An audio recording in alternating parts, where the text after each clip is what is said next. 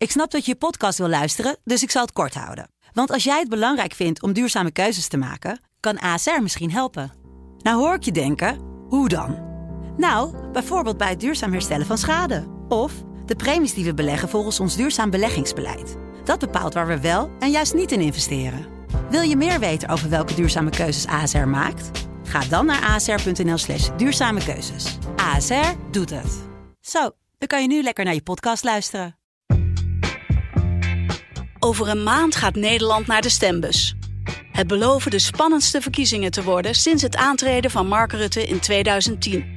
In het Haags kwartiertje praten de politiek verslaggevers van de Telegraaf je iedere dag in 15 minuten bij over de strijd om het torentje. Dat is dus echt gewoon een verkiezingsstunt. Het lijkt wel een beetje wanhoop om toch maar aandacht te krijgen. Ook bellen ze iedere dag met een politiek orakel over wat hen is opgevallen in verkiezingstijd. Dat is natuurlijk eigenlijk te gek voor woorden en iemand in de overheid heeft daar dus mee geblunderd. Het Haags kwartiertje. Vanaf maandag 23 oktober, iedere werkdag om half vijf op de site en app van de Telegraaf en in je favoriete podcast-app.